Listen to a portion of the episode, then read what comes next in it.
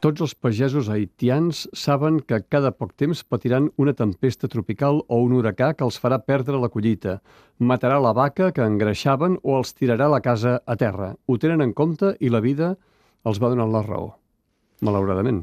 Doncs sí, i això forja un caràcter. Això, al llarg d'una pròpia vida i al llarg de les generacions. Forja un caràcter. El caràcter del, del camperol haitià és necessàriament resilient, ara que està tan de moda aquesta paraula de la resiliència. La capacitat de sortir-te'n d'un desastre. Exacte. És a dir, tirar endavant malgrat el desastre.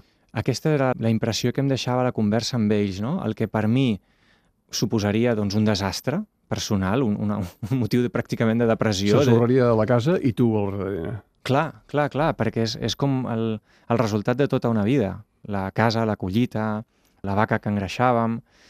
I en canvi ells tiren endavant, diuen, bueno, doncs, eh, estalviarem o, o intentarem comprar un altre porc, intentarem comprar una altra vaca, intentarem comprar altres llavors i tornarem a començar.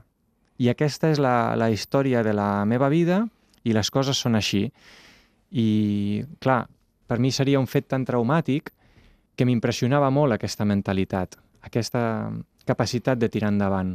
Clar, el Matthew, per exemple, a la tardor del 2016 va arrencar de socarrel els plataners que donaven feina a 20.000 haitians. Va matar centenars de vaques i porcs i va deixar sense llar 174.000 persones. Va durar unes hores, però les seves conseqüències encara es noten avui dia, i això per no parlar del terratrèmol que hi havia hagut uns anys abans, que, com dius tu, doncs, va deixar 313.000 vides per plorar.